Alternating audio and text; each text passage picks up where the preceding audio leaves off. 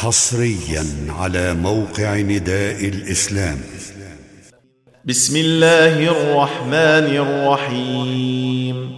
إذا زلزلت الأرض زلزالها وأخرجت الأرض أثقالها وقال الإنسان ما لها يومئذ تحدث أخبارها بأن ربك أوحى لها يومئذ يصدر الناس أشتاتا ليروا أعمالهم فمن يعمل مثقال ذرة خيرا يره ومن يعمل مثقال ذرة شرا يره تم تنزيل هذه المادة من موقع نداء الإسلام www.islam-call.com